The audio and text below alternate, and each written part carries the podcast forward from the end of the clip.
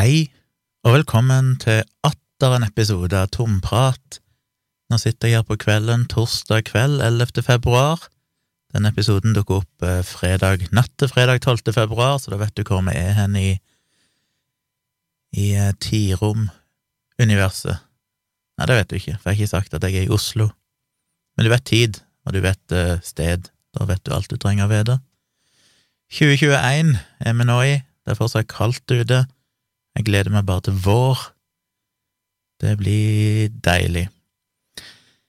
Hva er det som har skjedd siden sist? Ikke så mye. Jeg, eh, jo, i dag fikk jeg min Macbook Air levert, og det var jo hyggelig. Jeg brukte et par-tre timer på å sette opp den. Det er jo mye som skal gjøres, som jeg har sagt før. Det er så ufattelig mye små programmer jeg må ha installert, og jeg har mange mailkontoer, og ja, det er mye tjenester jeg må logge inn på, og så må jeg inn med tofaktorautentisering på alt, og det tar noen timer, men jeg har rutine på det, så det, den er klar til bruk, tror jeg. Nå merker jeg at når jeg får en ny eh, smekker liten Macbook med sinnssykt god batteritid og rask prosessor, så får jeg bare lyst til å reise, jeg har lyst til å bare ta den med meg i en sekk og reise et sted. Eller sette meg på en kafé og jobbe, eller skrive, eller et eller annet. Det er det lenge siden jeg ikke har gjort. Det var når jeg virkelig trivdes med pre-korona, og for så vidt da jeg bodde på Tøyen og hadde litt lettere tilgang til kafeer sånn overalt, så satte jeg meg jo veldig ofte på kafé. Kjøpte en kaffe og ei Cola Zero og, og satt og skrev litt. Mye av bøkene mine har jo blitt skrevet på kafeer. Så det syns jeg er trivelig, og det savner jeg. Det gleder jeg meg til den dagen det blir mulig. Jeg fikk et spørsmål i dag på Instagram ifra ei som eh, jobber i helsevesenet, og sa at hun hadde fått, eller de kom til å få tilbud om eh, denne AstraZeneca-vaksinen mot eh, covid-19. Og hun lurte rett og slett på om hva jeg syns om det, om, eh, fordi at den er jo regna til å være kanskje 60 %-ish effektiv mens de vaksinene fra Pfizer og Moderna, som er sånne mRNA-vaksiner, de er jo regna til å være sånn ca. 95 effektive. Og spørsmålet da for hun var burde hun vente, eller takke nei og vente på å få en mRNA-vaksine? Jeg lurte på hva jeg mente om det. Og jeg hadde jo noen tanker om det, det var hennes eget valg, eh, men hva betyr det egentlig at den er 60% effektiv? Det er klart at når eh, alternativet er noe som er 95% effektivt, så høres det jo kanskje ikke så bra ut, men 60% er jo ikke dårlig. Skal på at sesonginfluensavaksinen som vi tar hvert år, det vil si jeg gjør det, og en del andre gjør det. Eh, jeg har jo alltid argumentert for at jeg synes det er sjokkerende at ikke helsepersonell, iallfall de som jobber direkte med pasienter, er pålagt å vaksinere seg mot influensa hvert år. Men det er de fortsatt ikke, og jeg husker ikke helt de siste dataene på hvor mange som gjør det og sånn, men, men ja, jeg syns de burde det.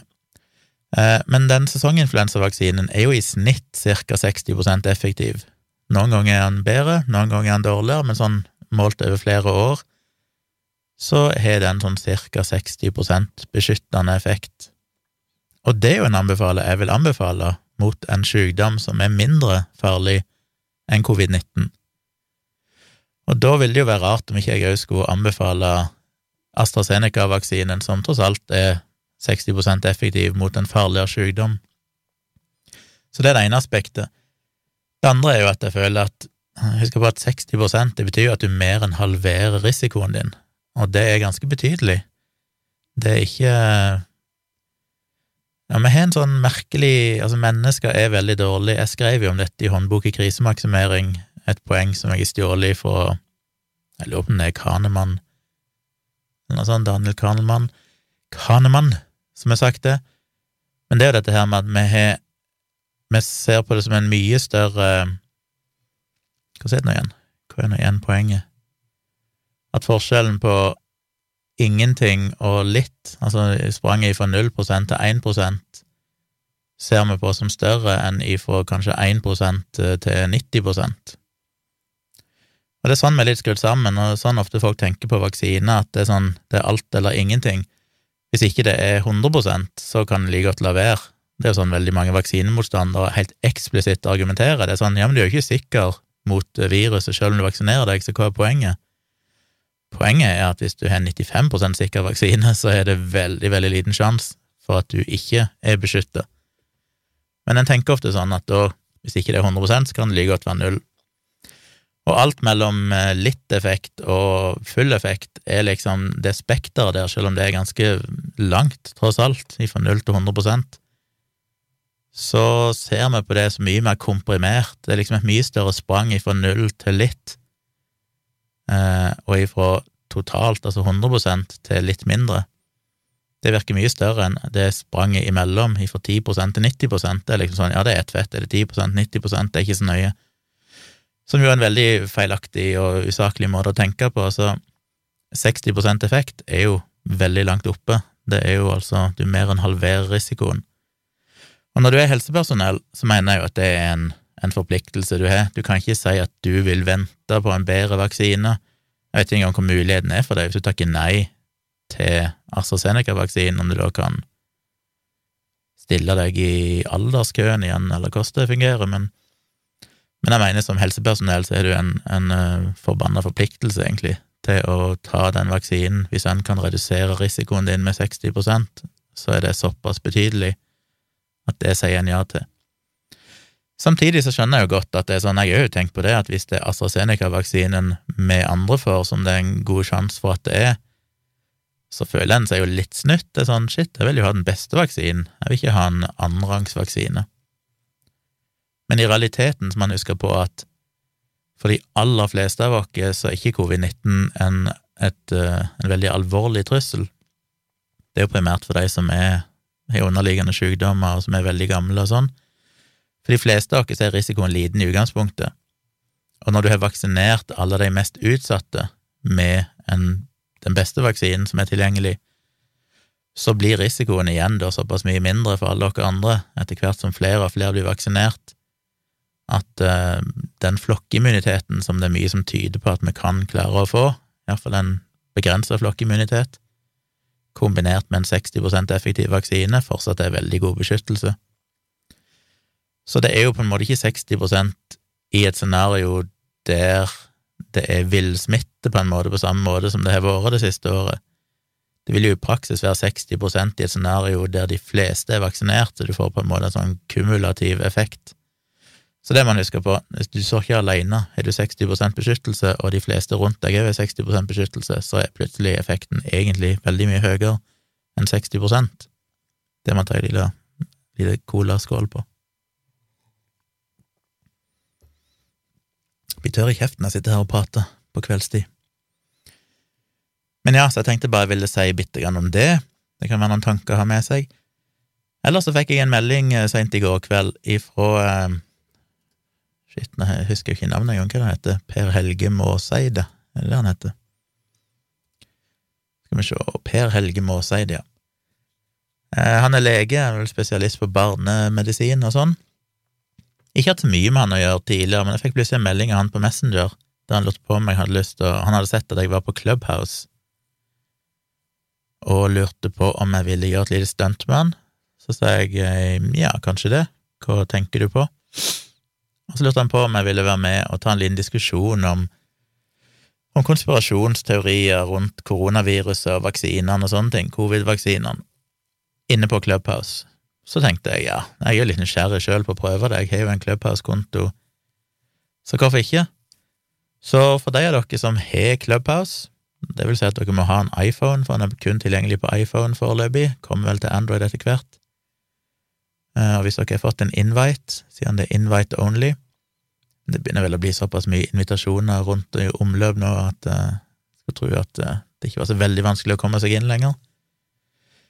Så kan dere joine den lille eventen meg og han skal ha førstkommende søndag, altså 14. februar, er vel det, på selveste morsdag og valentinsdag og alt mulig rart, fastelavn og alt mulig, uh, på Clubhouse søndag klokka 20.30, altså halv ni på kvelden.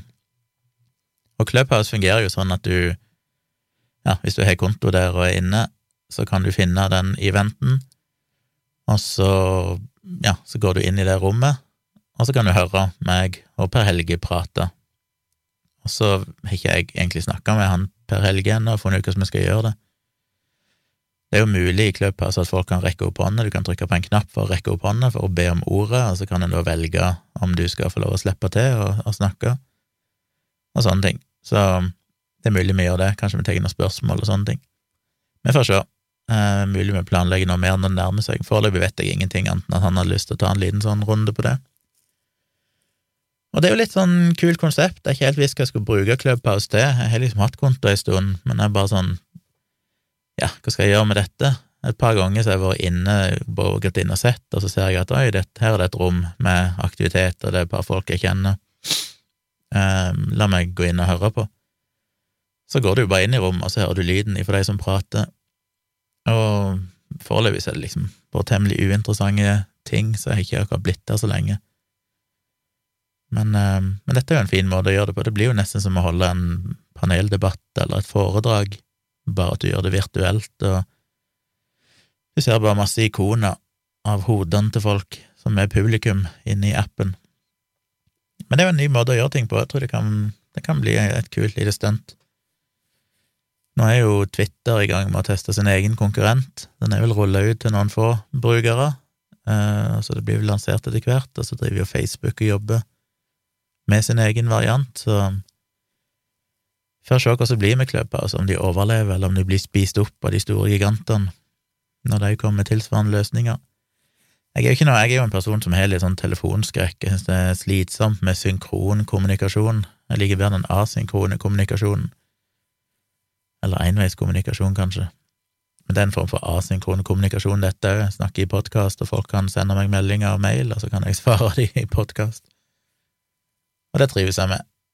Eh, så jeg var litt sånn litt sånn redd for den Clubhouse-appen. Jeg vet liksom ikke helt, det, føles skummelt. Men det er litt lettere. Det, er liksom som alle ting for meg, at hvis jeg skal holde et foredrag eller stå på en scene, så er jeg egentlig ikke nervøs, for da føler jeg at jeg i kontrollen, jeg vet at jeg har liksom rett til å være der. Men med en gang jeg føler jeg trenger meg på, hvis jeg er i en forsamling med folk, så syns jeg det er veldig vanskelig å ta ordet. Da føler jeg bare at alle ja, syns jeg er teit, og alt det der barnslige greiene der. Så det er vel kanskje litt det samme her nå, at når jeg har vært inne i sånne rom, så jeg vil jo aldri falt meg inn og tørre å be om ordet eller si noe, for det føles bare som jeg trenger meg på. Men når det er jeg som er på en måte i gåsehud hovedperson sammen med han Per Helge, når det er vi som liksom styrer showet, så, så føles det mer mer eh, Ja, da føler jeg meg tryggere på det, så det blir spennende. Så sjekk ut det iallfall hvis dere er på Clubhouse søndag halv ni på kvelden. Åpent for alle. Det er bare å komme inn, og dere kan jo bare Det er helt anonyme, alt opp ikke anonyme, for vi ser jo hvem som er der, men dere kan få stikke inn og bare sitte og høre på. Så får vi se hvordan det går. Um, altså, ja, det er en ting jeg har lyst til å si noe om, men det er egentlig et veldig stort tema og jeg var usikker på om jeg skulle helt tatt begynne på det, så jeg kan ikke gå altfor mye i dybden. Men det er jo denne transdebatten. Jeg føler jeg må jeg liksom har følt for at jeg har lyst til å skrive eller si noe om det. Det er kanskje lettest å bare snakke om det her i podkasten. Vi har jo snakket om det tidligere ved flere anledninger i Dialogisk, og som med så mange ting så merker jeg jo at jo Det er kanskje litt sånn kommer med alderen, at en blir mer ydmyk og Men jeg merker jo det at det har vært en prosess, den transdebatten òg, ifra å gå og føle veldig sterkt omkring ting, til å innse at kanskje jeg egentlig ikke burde si noe. Så la meg eh, bare dykke litt ned i det. Jeg mener, jeg synes det beste eksempelet sånn for min egen del jeg kan sammenligne det med, det var at for ganske mange år siden, sånn nærmere ti år siden eller noe sånt, så var det jo en gikk det en del sånne debatter. Jeg vet ikke helt hvorfor det gikk sånne debatter da, jeg har ikke sett så mye av det seinere, selv om det er alltid noe som dukker opp igjen, men det var veldig mye om dette her med kvinner og hvilken grad de var på en måte skyld sjøl hvis de ble utsatt for et overgrep eller en voldtekt, spesielt type overfallsvoldtekt. Og dette her med at uh, hvis du er kledd sånn og sånn, hvis du er lettkledd og har flørta og du er berusa og går aleine sånn, så er det liksom sånn, ja, du er jo egentlig litt skyld i det sjøl. Og jeg var jo litt i den debatten og argumenterte jo sånn, jeg tok liksom det der strengt logiske, rasjonelle argumentet med at ja, men du må jo innse det at hvis du Jeg husker jeg brukte det som eksempel, hvis du går med ei ei dyr gull Rolex-klokke på deg gjennom eh, Cape Town midt på natta, og du blir angrepet og rana, noen stjeler klokka di, så er det jo på en måte litt din egen skyld at du har gjort det, for du vet jo at det gjør du ikke i en av verdens farligste, byer, og midt på natta og flasher rikdom. Og så mente jeg at det blir jo det samme med damer som eventuelt gjør det. Ikke at jeg mente at de var skyldige i det, men mer at de kunne ha gjort ting for å minimalisere risikoen. Og teknisk sett så er jo det liksom, ja, det er jo, det er på en måte sant, det kan Det er jo Det er jo liksom logisk sett sant, men det jeg ikke skjønte, var at Men det er jo ikke poenget. Jeg, jeg tror ikke jeg helt skjønte hvor, hvorfor damer ble provosert når jeg sa det. For meg var det bare sånn helt irrasjonelt å bli provosert, for det jeg sa, var jo bare facts. Men i realiteten så er det klart at jeg bomma jo helt på poenget. Poenget er jo at de klassiske at du skal, du skal jo selvfølgelig kunne gå naken midt på natta gjennom byen uten at noen har rett til å ta på deg. Uh, så det var mer bare det at det er en slags uh, Det viser en slags manglende forståelse for hva problemet egentlig var. Hvordan den utryggheten, usikkerheten, maktrelasjoner Hele det der sammensuriumet. Det var en slags uh, banalisering av det virkelige poenget, på en måte. Og litt sånn føler jeg jo det har vært med transdebatten òg, at jeg har jo gått ifra å irritert meg over transpersoner som jeg syns kan være veldig aggressive og hatske. Eh, og jeg vet vi snakker mye om det dialogisk, at det her med hvor vanskelig det er når du er på deres parti, men bare fordi du bruker et feil ord eller uttrykker deg litt feil eller et eller annet sånt, så blir du liksom lagt for hat. Og det er jo selvfølgelig et element av sannhet i det, at det er uheldig, men samtidig så føler jeg at det blir feil å problematisere det, for det er jo ikke det som egentlig er problemet. Det er jo på en måte da å bagatellisere det virkelig store problemet, som er hvordan transpersoner faktisk har det i livet sitt, hvordan de opplever hverdagen. Og jeg, jo, jeg, jeg, så jo den der uh, halvannen times lange, eller hva den var, uh, uh, ContraPoint, som ikke hun heter, hun youtuberen. Hun hadde en video nå for et par uker siden om um, denne JK Rowling-kontroversen igjen.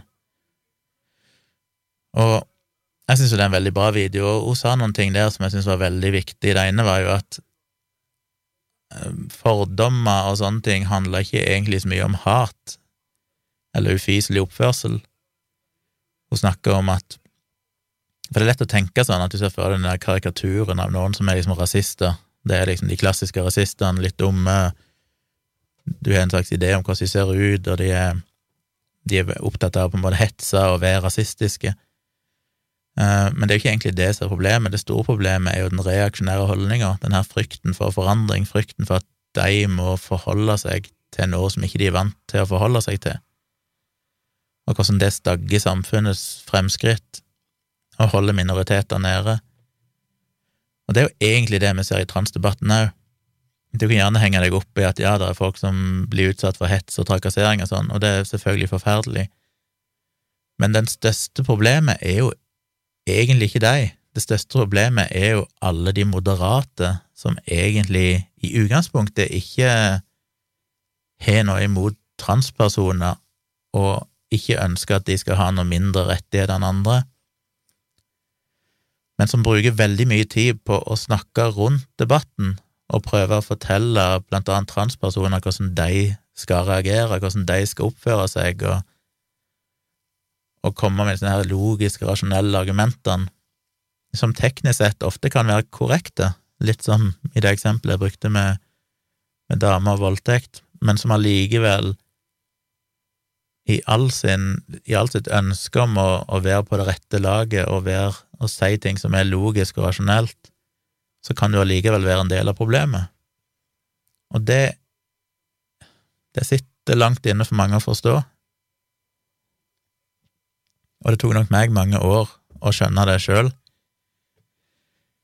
Og jeg har jo sagt dette dialogisk før, men jeg føler det kan aldri gjentas nok. Og det er jo dette her med å lytte heller enn å mene, hvor viktig det faktisk er. Og jeg ser at eh, Jeg ser blant annet Wasim Sahid la ut en YouTube-video der han tok for seg transdebatten, og jeg har faktisk ikke sett videoen, for jeg er litt sånn Jeg vet ikke, jeg var ikke helt i humør til å forholde meg til den videoen, men men jeg så jo han fikk litt flack på Twitter etterpå, og uten å ha sett videoen, så er jeg jo helt overbevist om at Wasim Sahid har hjertet på rette plassen, og jeg tror ikke han sa noen ting i den videoen som var antitrans, på en måte. Det er ikke Han er en progressiv, humanistisk, eh, fantastisk smart og god person. Men jeg kan likevel skjønne ut ifra de Twitter-diskusjonene at folk ble provosert, noen mente han burde ta ned videoen, og jeg tror nok kanskje at han er gått i den fella med at han vil det rette, han er på deres parti, men måten han uttrykker seg på, viser at han kanskje ikke egentlig har skjønt problemstillinga blant annet med hvorfor blir folk så forbanna på JK Rowling, hvorfor er det så mye aggresjon og hat? Og så kan en gå inn og analysere tekstene hennes eh, i det vide og breie, og konkludere med at ja, men hun sier jo ingenting som er antitrans, hun sier jo at hun støtter rettighetene til transpersoner, og hun elsker transpersoner. Men igjen, da, som ContraPoint uh, viser veldig tydelig når du begynner å virkelig gå inn i, i det hun skriver, så så er det veldig mye sånn 'jeg er ikke rasist, men' Det er veldig mye av det, og jeg tror at hvis man hadde erstatta transpersoner med svart person, eller folk med innvandrerbakgrunn i mange av de tingene som blir skrevet, så hadde vi reagert annerledes. Fordi vi aksepterer jo egentlig ikke i dag at folk som ikke er rasister, men de sier ting som på en måte gi ammunisjon til folk som egentlig er mye dårligere hensikter. Altså, de skal ha den der strengt rasjonelle, logiske tilnærmingen til det, som totalt overser en lang historie med undertrykking og diskriminering og rasisme. Eh, de sier ting som bærer så preg at de ikke har gått en meter i skoene til de folkene vi snakker om, som er det samme som med transpersoner. Hvem er jeg til å fortelle en transperson hvordan han eller hun skal reagere eller respondere på noen når jeg ikke har gått en meter i deres sko. Det er jo helt selvfølgelig at hvis du jeg, jeg kan jo nesten ikke tenke meg noen ting her i verden som må kreve mer mot, og som må være vanskeligere enn å si at du er født i feil kropp, for å bruke det uttrykket, at du vil skifte kjønn.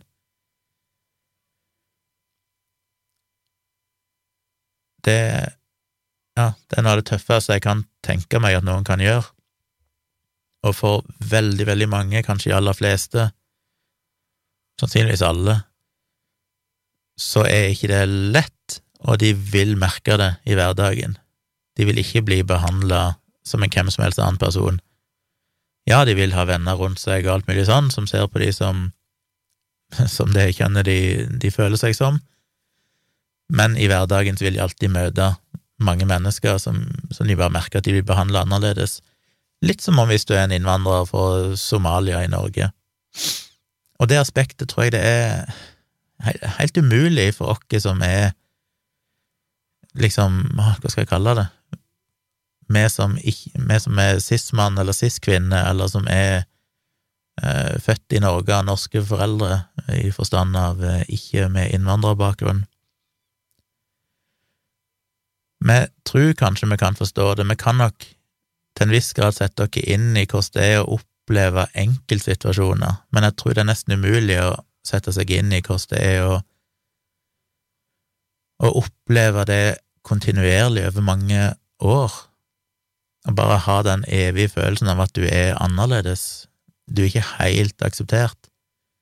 Du må på en måte hele tida kjempe hver dag for å bli behandla sånn som enhver annen person generelt sett blir behandla. Og da tror jeg bare vi må holde litt kjeft med andre, og bare gjøre vårt ytterste for å høre hva de faktisk har å si, hva de prøver å si, og forholde oss til det, og iallfall ikke fortelle dem hvordan de skal reagere. Og jeg skjønner det, jeg syns jo det er en relevant debatt, selvfølgelig syns jeg at det, er, det kan være Jeg har jo sjøl opplevd ting som jeg mener var helt urimelig, der jeg føler at uh, det var en liksom overreaksjon jeg 100 er på deres parti og sånne ting.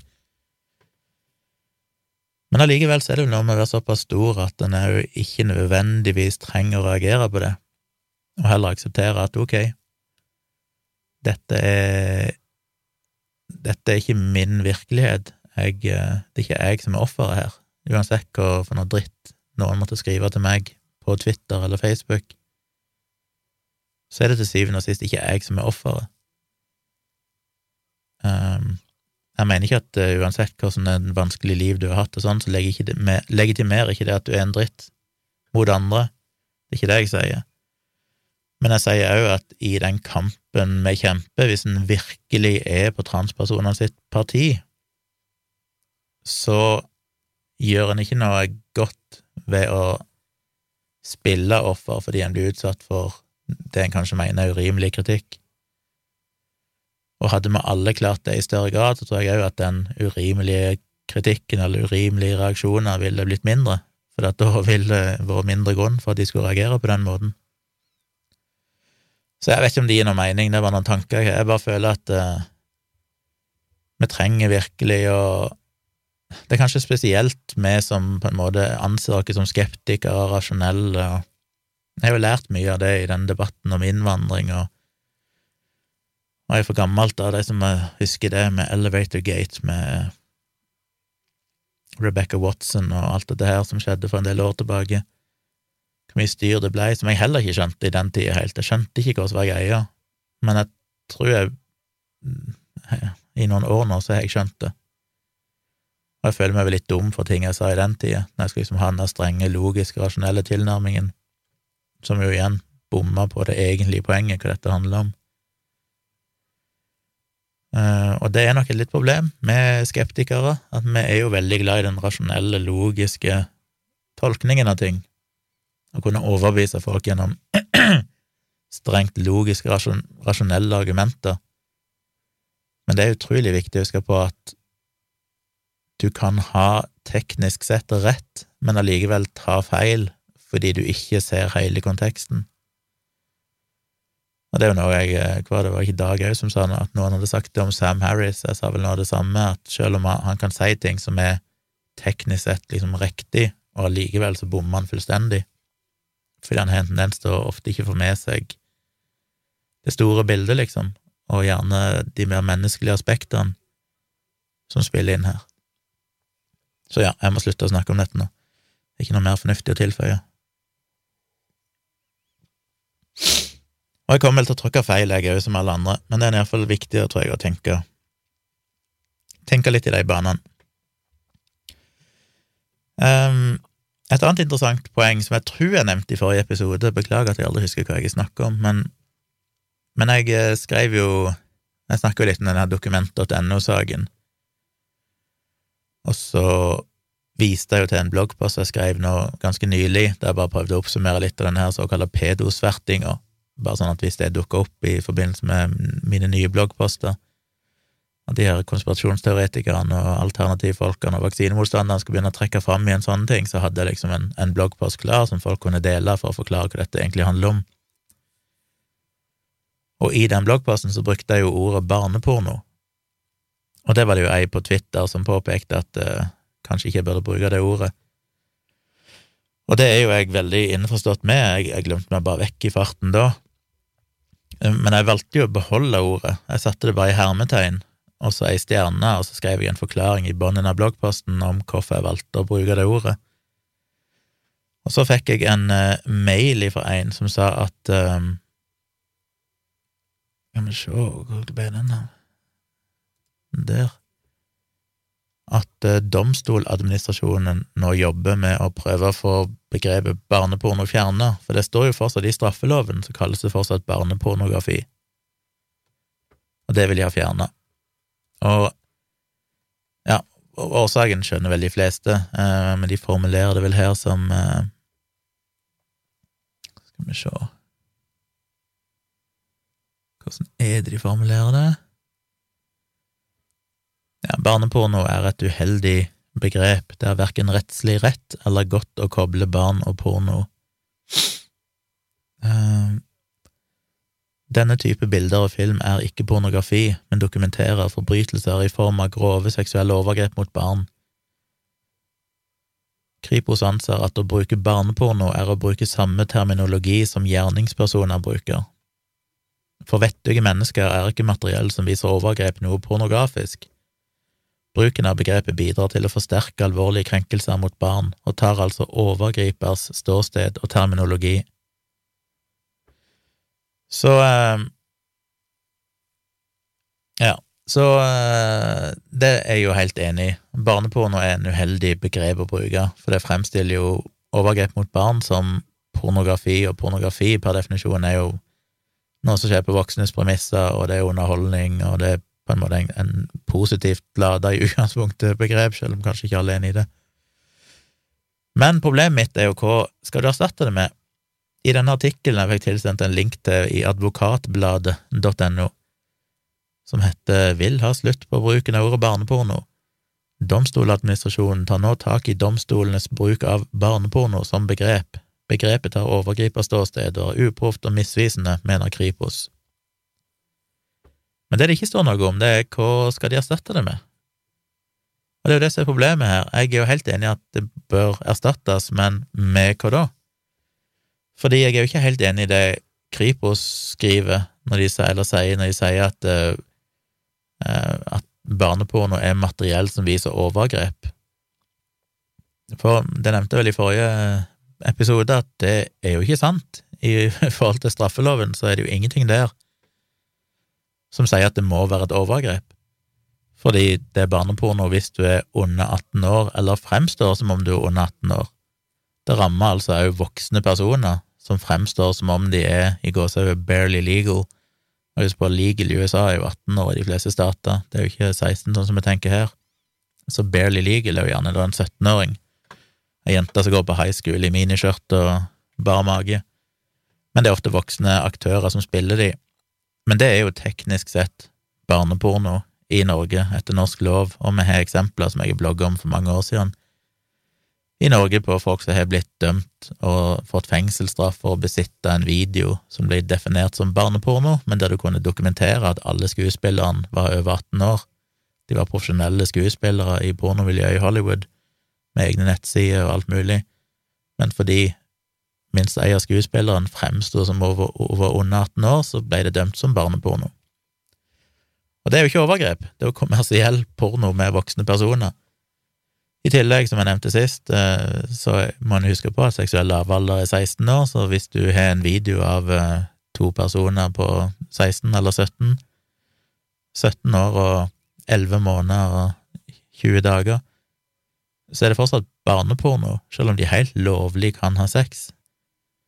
Jeg, jeg kan gå ut og ha sex med ei jente på 16, helt lovlig, men hvis jeg filmer det, så er det barneporno. I mitt tilfelle så er det sikkert noen sier at det ville være overgrep, men la ikke si det var en 19-åring som hadde sex med en 17-åring, og filma det, så er det barneporno.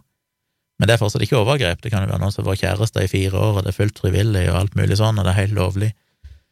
Så det er det som er problemet. Det sier sånn at nei, men dette her er jo dokumentasjon av overgrep, og da kan du ikke bruke ordet barneporno. Ja, men det aller meste av det som blir definert som barneporno, er jo ikke dokumentasjon av overgrep. Det er jo lovlige, seksuelt lovlige personer, og det er sexting, og det er bilder folk tar av seg sjøl.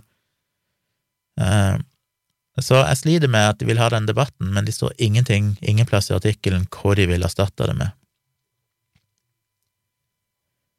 Så ja. Så teknisk sett, ut ifra den definisjonen deres, der det må være overgrep, så må det jo være noen under 14 år. For det i Norge så er det per definisjon voldtekt hvis du er under 14 år, uansett hvor i går så frivillig det var ifra partene. Eh, er du over 14 år, så er det vel seksuell omgang med mindreårig, men det er ikke definert som voldtekt per definisjon. Så hvis du mener at dette er per definisjon et overgrep, så må det jo være noen under 14 år, og da kunne han ha kalt det for eksempel overgrepsmateriale, for eksempel, hvis det er under 14 år. Hvis du er over 14 år, så er det ikke nødvendigvis dokumentasjon på overgrep, for det at da kan det være barneporno, men det kan òg være en, en 15-åring og en 14-åring, eller to 15-åringer, som har sex med hverandre og filmer på mobilen, og så kom de i feil hender. Det er ikke dokumentasjon av overgrep, for det er teknisk sett, ifølge loven, så hvis du er over 14 år, så kan du frivillig ha sex med noen som er på din egen alder, uten at det blir definert som voldtekt. Så det kan du kanskje unne deg òg, hvis du er veldig jevnbyrdig. Men la oss si det er litt aldersforskjell på de, da. Så er det ikke per definisjon voldtekt, det er bare ulovlig. Og er du over 16 år, så er det ulovlig, og da er det iallfall ikke per definisjon et overgrep. Så det er vanskelig, jeg vet ikke hva ord en skal bruke. Men jeg syns iallfall det er feil når de mener du skal kalle det dokumentasjon på overgrep, for at det vil i skal følge straffeloven sjøl, så vil det i så fall bare være relevant hvis en av partene er under 14 år. Men barneporno defineres altså opp til 18 år, så hva gjør du med de som er fra 15 til 18 år, som jo er det aller meste av materialet? Så jeg vet ikke.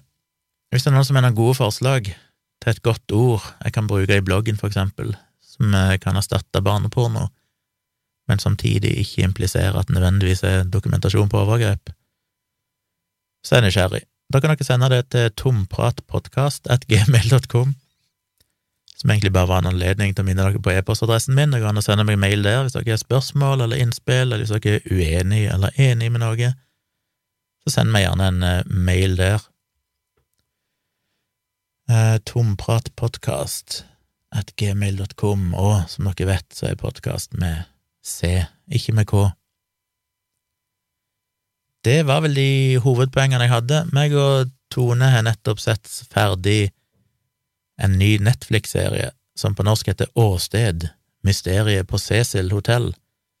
På engelsk heter den Crime Scene, The Vanishing at the Cecil Hotel, eller Cecil Hotel. Og den var fire episoder. Megatone er jo denne podkasten som heter Virkelig grusomt, der vi snakker om sånn type historier, virkelig grusomme hendelser som er skjedd, men som er virkelig, da, som er skjedd på virkelig. Og den historien som de tar for seg i denne serien på Netflix, er jo en historie jeg kjenner til, og som jeg nesten har vurdert om jeg skulle snakke om i Virkelig grusomt, men jeg følte ikke det var nok, jeg hadde ikke nok informasjon om det der og da til at jeg følte det var noe å snakke om, men men her drar de det jo utover fire episoder, og det er jo en interessant historie. Mest av alt fordi det egentlig er en ikke-historie, men det ble en stor historie. Og, så det spiller inn på både hvordan internett fungerer, og hvordan folk begynner å spekulere i konspirasjonsteorier og hele pakka. Så jeg kan ikke si så mye mer uten å spoile det. Men jeg uh, vil anbefale å se den. Det er fire episoder. Når du kommer i episode tre, så begynner du kanskje å tenke at å, Jesus, hva er det nå de driver på med? Men eh, hold ut og se episode fire òg, for da nøstes det hele veldig fint på plass, og har egentlig en veldig, veldig fin avslutning med noen gode, viktige budskap som jeg syns er, er verdt å få med seg. Men det interessante med den er jo dette her klippet som dere kanskje har sett, som jeg òg har sett, som er ei dame, ung dame i USA på et hotell og så er det en overvåkingsvideo der du bare ser henne plutselig komme inn i en heis, og så gjør hun en del rare ting, oppfører seg veldig, veldig merkelig, og så til slutt, etter et par minutter eller sånn, så går hun ut, og så skjer det diverse ting, du bare ser litt av det, og så forsvinner hun, og så, etter det ble hun borte. Uh, og det virker jo veldig mystisk. Men jeg òg så den videoen, så tenker jeg sånn shit, hva er det som foregår? Det er nesten litt sånn creepy. Det ser ut som det er noe sånn paranormalt uh, omtrent, for det inntrykket. Så det er på en måte grunnlaget, men så er jo de gått inn i denne dokumentaren, nå, eh, som faktisk er produsert av Brian Grazer og Ron Howard, så det er jo virkelig store folk som eh, sitter med pengene der. Så går jeg iallfall inn i det og ser på hele greia, både med intervju av detektivene som jobba med saken, og hun som var bestyrer på hotellet, og masse folk eh, som lagde YouTube-videoer, spekulerte og konspirerte rundt dette her, og du får liksom alle sidene av saken. Så jeg synes det var, til slutt så var jeg egentlig veldig fornøyd med den serien, og vil virkelig anbefale den.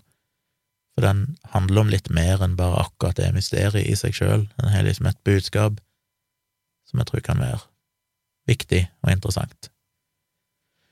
Så ja, jeg skulle gjerne sagt, jeg skulle gjerne delt noen tanker om den, men jeg bare føler jeg kan ikke gjøre det nå, for det vil spoile den. Så jeg får eventuelt eh, noen får minne meg på det, så får jeg se om jeg husker det i framtida en gang, når dere har hatt eh, god nok tid til å sjekke det ut. Så det var egentlig det jeg ville si i dag. Var det noe mer jeg skulle snakke om? Nei. Minner bare på at uh, dessverre så fikk vi ikke til noen sånn MGP-nachspiel forrige lørdag, for meg og Tone var slitne, og når dagen kom, så var det litt sånn åh, kan ikke bare ta fri i kveld, ikke noe livestream. Så selv om jeg hadde annonsert det i podkasten og sånn, så beklager jeg at det ikke blei. Men hvis ikke noe veldig rart skjer, så skal vi gjøre det nå på lørdag. Så skulle dere ha interesse av det, så sjekk ut uh, YouTube-kanalen Tvilsomt med Tjomli, og Facebook-sida og Twitter-kontoen og sånn, der deler jeg vel link. Så tar meg og Tone en liten sånn uh, breakdown av bidragene i delfinale um, Hva er det, er det fem nå? Er vi kommet så langt? Men kanskje, kanskje siste delfinalen før finalen? Ja. Så hvis dere har lyst til å være med på det, så er det moro. Og så er det som sagt på søndag kveld, og denne vaksine, konspi, covid-debatten vi skal ha på Clubhouse klokka halv ni på kvelden. Så da tror jeg jeg runder av. Jeg har sendt ut en del bøker i det siste, jeg har fått noen nye patrons, og som sagt, blir dere patron på det høyeste nivået, eller nest høyeste nivået, Tjommi L, som det heter, Tjommi Large, så får dere ei bok tilsendt helt gratis. Jeg har sendt ut noen sånne bøker i det siste, og det er jo alltid hyggelig, med en liten signatur og hilsen. Men ja, det var det. Vi snakkes, følg med på YouTube-kanalen for flere livestreams. Kanskje jeg skal kjøre en nattlig livestream nå, må tenke litt på det, får se. Det er for seint for at dere får ikke med dere det uansett, men uh, sånn kan det gå. Plutselig så kjører jeg nattlig livestream, så det er viktig å abonnere på kanalen min. Uh, ja, da stikker jeg, og så høres vi igjen over helge. God helg!